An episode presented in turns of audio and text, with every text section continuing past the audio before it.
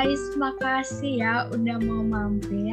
Ini adalah podcast perdana aku, jadi mohon maaf banget ya kalau misalnya masih banyak kurangnya. Tapi nggak kalau misalnya sih, tapi pasti banyak banget kurangnya. Jadi mohon maaf banget. Sebelum aku mulai, aku mau overview dikit tentang podcast ini. Podcast ini tuh temanya Inside Adventure. Jadi kita kayak berpetualang gitu, cari insight-insight baru kalau biasanya kita kan kayak adventure itu cari hidden gem ya kalau anak generasi Z bilangnya. Nah, kita itu juga sama sih sebetulnya adventure, tapi bedanya kita cari insight-insight baru yang bisa kita explore dari buku, dari film, biografi, atau kita juga bisa diskusi tentang sesuatu sama seseorang. Nah, di episode pertama ini aku pengen banget share beberapa highlight insight yang aku dapat setelah baca buku Learning How to Learn karya Barbara Oakley, Profesor Terence Snowski. Ada don't know how to pronounce his name karena nama Nordic susah banget buat dipronounce dengan Alistair McConville. Di buku ini, Barbara Oakley sebagai penulis utama itu nyeritain beberapa pengalaman yang unexplainable yang dia alamin. Kayak dulu tuh Barbara Oakley itu kayak benci banget sama fisika, tapi sekarang kerjanya jadi engineer. Gimana tuh coba? Terus Profesor Terence Sesnowski ini tuh neuroscientist, jadi dia ngejelasin dari perspektif ilmiah gitu, kayak penelitian-penelitian otak. Terus di buku ini juga ada guru bahasanya, yaitu ada Alistair McConville. Jadi dijamin gampang banget buat dipahamin walaupun ada penjelasan ilmiahnya karena gampang banget dipahamin dan insightful parah harusnya ini aku udah baca buku itu dari SMP gitu. Atau kalau enggak kayak maksimal awal-awal SMA lah. Tapi kayak sayangnya banget aku baru tahu buku ini tuh kayak beberapa bulan yang lalu. Jadi kayak ya udah lah ya tetap dibaca daripada aku nggak pernah baca kan mending telat ya. Oke, okay, jadi aku mau garanti nih sebetulnya. Buku ini tuh menurutku insightful parah kayak gimana gitu buku ini bisa nggak insightful? Kalau kalian itu nanti bakal belajar gimana caranya belajar ketika kalian itu nggak tahu gimana cara belajar dan kalian belajar. Ayo lo bingung nggak tuh? Iya buku ini tuh ngajarin kita gimana caranya paling efektif buat belajar, buat nangkep materi yang bisa stuck di long term memory otak kita. Jadi kita bisa belajar dan cepet nangkep terus juga materinya nggak cepet menguap jadi kayak gitulah inti inti konsep dari buku ini oke okay, langsung aja kita masuk di highlight insight yang menurutku bagus banget buat di share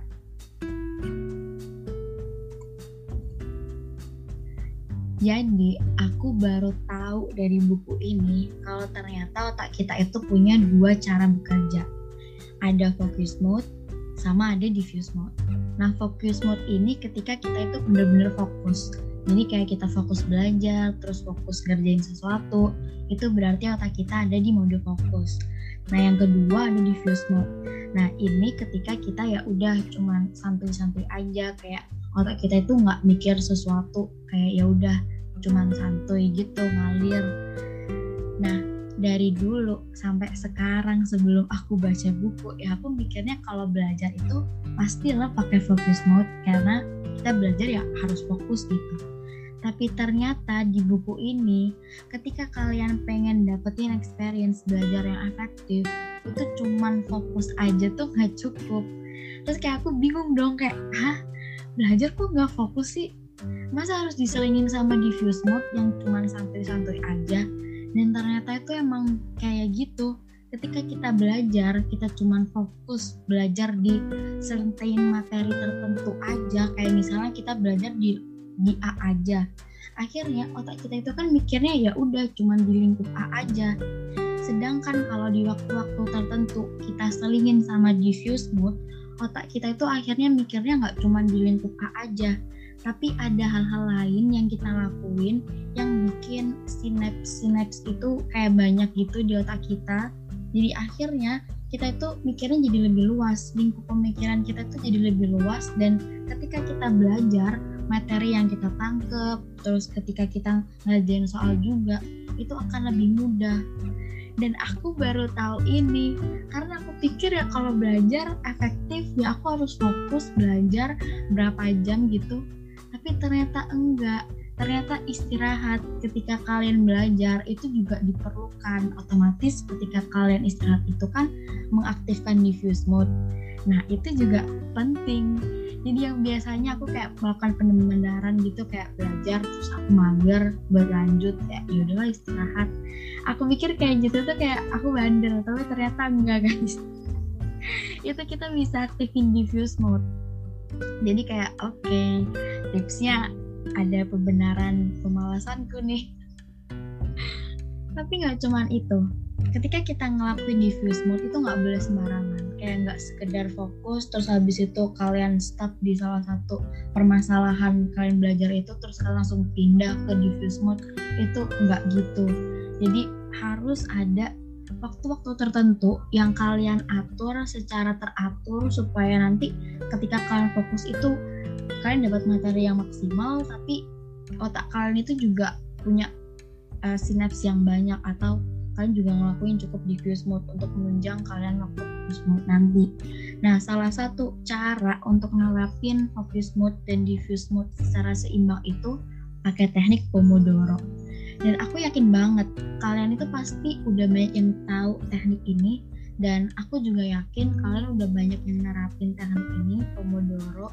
Jadi kayak 25 menit kalian fokus belajar, terus 10 menitnya kalian santai-santai aja. Tapi kalau kalian udah expert, itu teknik Pomodoro ini bisa di-adjust sesuai dengan personalitinya kalian. Bisa 50 menit kalian fokus, terus 10 menitnya kalian santuy-santuy. Nah, di buku ini tuh sebetulnya juga dijelasin secara detail. Aktivitas diffuse mode apa sih yang paling cocok untuk dilakuin sehingga menunjang kita untuk ngelakuin focus mode nanti tapi kayak aku nggak mungkin jelasin itu satu-satu di sini karena pasti bakalan panjang kali lebar. Jadi kalian kalau pengen tahu gimana caranya ngelakuin diffuse mode yang paling efektif kalian langsung aja baca bukunya Learning How to Learn. Aku jamin gak bakalan wasting of time karena ini bener-bener insightful parah. Terus lanjut ke insight yang kedua tapi insight yang kedua ini sebetulnya lebih ke teknik belajarnya jadi ada satu teknik belajar yang menurutku unik di buku ini yaitu ada namanya teknik picture walk. Jadi kayak jalan-jalan gitu di buku. Tapi emang bener kayak kayak kita ngelakuin jalan-jalan gitu. Jadi sebelum kita baca buku atau misalnya sebelum kita baca suatu chapter tertentu, nah kita harus ngelakuin picture walk dulu. Picture walk itu ketika kita lihat-lihat dulu subbab di bab itu tuh apa aja, terus ada gambar apa aja di buku itu terus keterangan gambarnya kita cek dulu. Habis itu kalau misalnya ada diagram kita cek juga diagramnya itu ngejelasin tentang apa. Jadi kayak intinya itu kita ngelihat trailer dari chapternya dulu baru kita baca di whole chapter bahkan kalau misalnya di akhir buku itu kan biasanya ada ada kayak kesimpulan gitu. Nah itu sabi juga dibaca dulu sehingga kita bisa tahu oh buku itu tuh nanti bakal ngejelasin tentang apa aja. Jadi pas kita baca kita udah ada pandangan. Dan kalau aku ngebayangin konsep ini di kehidupan nyata picture walk itu kayak misalnya kita uh, buka Google Map gitu. Kita mau pergi ke suatu tempat tapi kita nggak tahu tempatnya sama sekali bahkan jalan menuju ke tempatnya itu benar-benar asing banget. Jadi kalau misalnya dibayangin aku mau pergi ke Pantai Kenjeran gitu aku sama sekali nggak tahu Pantai Kenjeran kayak gimana dan sama sekali nggak tahu jalan lewat ke sana itu lewatin mana aja. Nah kalau misalnya di hari H pas aku berangkat aku baru buka Google Map otomatis aku bakalan berhenti beberapa kali di pinggir jalan buat mastiin aku udah di jalan yang benar nggak sih? Aja jalan yang benar di jalan yang benar nggak sih? Kan pasti kita bakal sering kayak berhenti di pinggir jalan berkali-kali gitu. Atau juga yang parahnya kita pasti punya high possibility buat kesasar. Karena kita barusan aja buka maps dan langsung ngelakuin perjalanannya. Beda cerita ketika kita buka mapsnya itu malam sebelum berangkat semalamnya itu kita buka maps dulu kita ngeliat street view-nya gimana. Oke okay, nanti kita bakal ngelewatin empat putaran atau empat belokan. Terus nanti ada kayak misalnya bangunan yang unik gitu oh nanti aku bakal ngeliatin ini dulu baru nanti belok. Kan kita udah ngeliat itu dulu malam sebelumnya pasti kalau di hari kak kita berangkat dan buka maps lagi kita udah nggak akan kebingungan dan kemungkinannya tuh kecil. Kita bakal berhenti di pinggir jalan buat mastiin kita masih ada di jalan yang benar atau enggak. Kan gitu. Jadi kalau aku ngebayangin oke okay, berarti picture walk ini emang worth it untuk dicoba ketika kita mau baca suatu chapter buku atau kita mau baca buku atau kita mau ngelakuin sesuatu yang kita sama sekali have no idea itu apa gitu. Jadi menurutku teknik kedua teknik ini insight yang kedua ini kayak menarik banget dan pengen aku share ke kalian. Terus lanjut ke insight yang ketiga yaitu ada recall. Jadi recall itu kita ngejelasin kembali apa yang udah kita pelajari.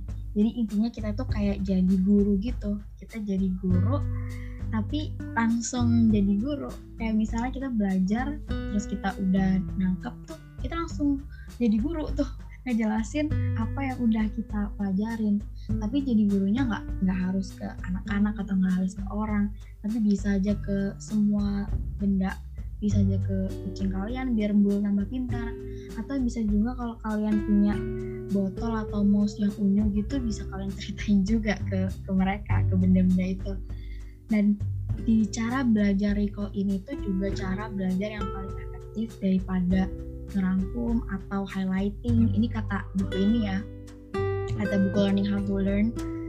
Dan materi yang kalian recall nanti itu juga bakalan lebih lama stuck di long term memory kalian. Jadi kalian setelah belajar itu nggak gampang menguap gitu.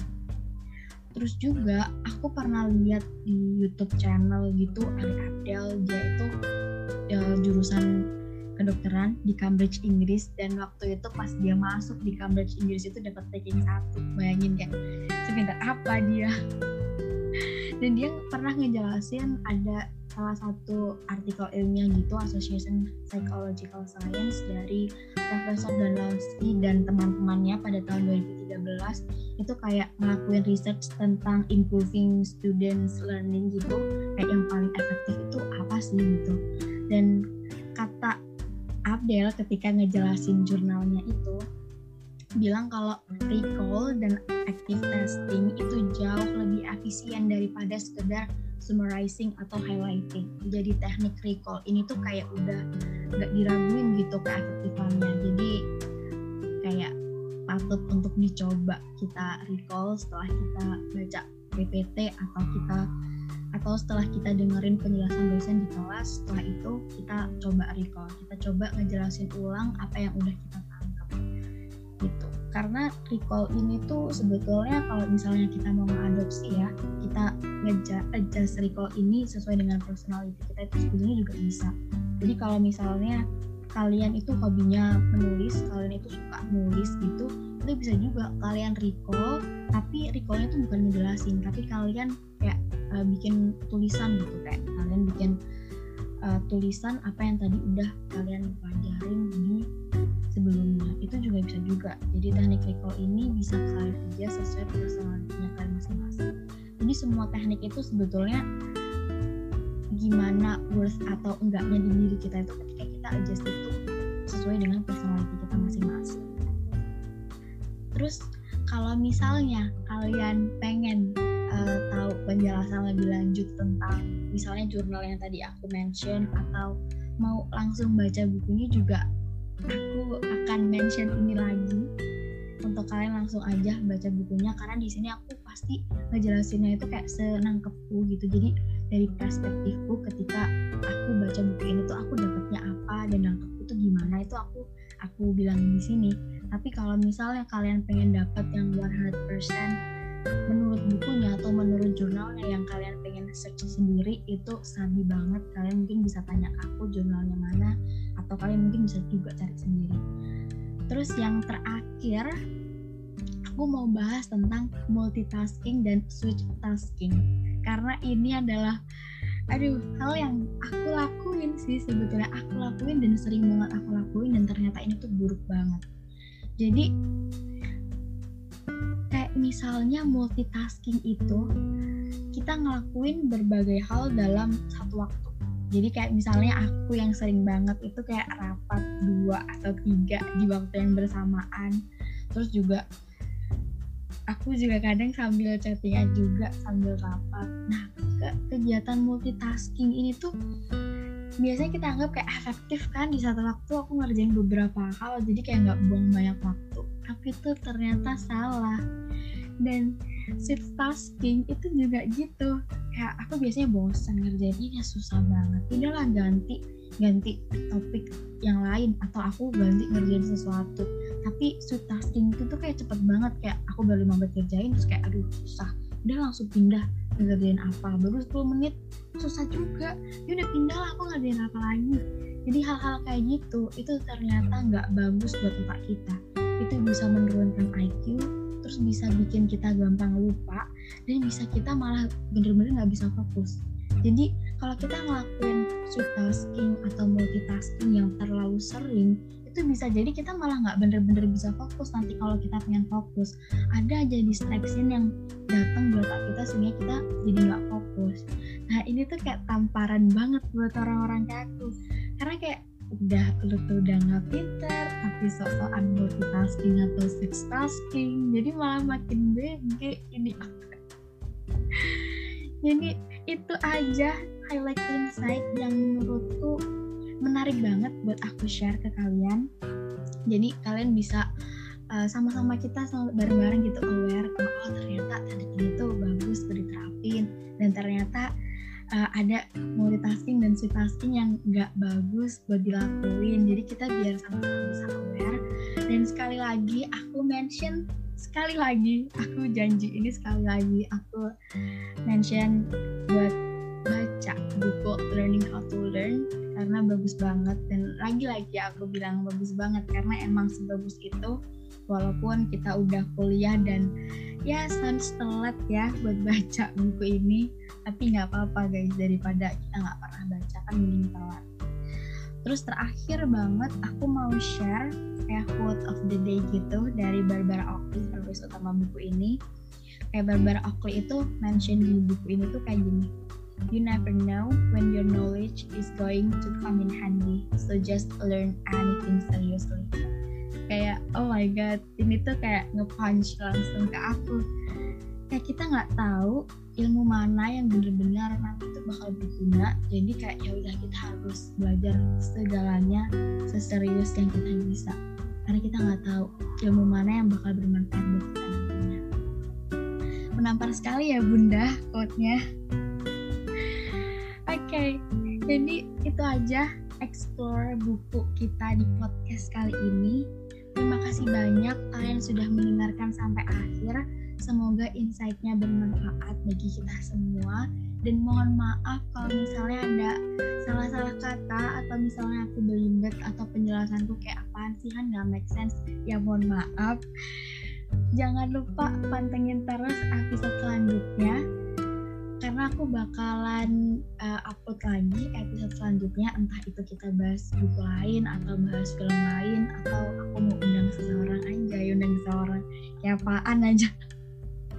Tapi semoga aja ya aku ada ada kemauan lagi buat upload episode baru. Karena kalau misalnya kalian banyak yang ngasih feedback bagus ke aku apalagi kan pasti kalian teman-teman sendiri aku pasti bakalan bikin episode yang baru tapi kalau ternyata feedbacknya uh, tidak bagus ya aku kayaknya sungkan ya buat lanjut lagi Oke, okay, kalau kalian misalnya mau ada feedback atau apa pun itu kritik dan saran diterima banget.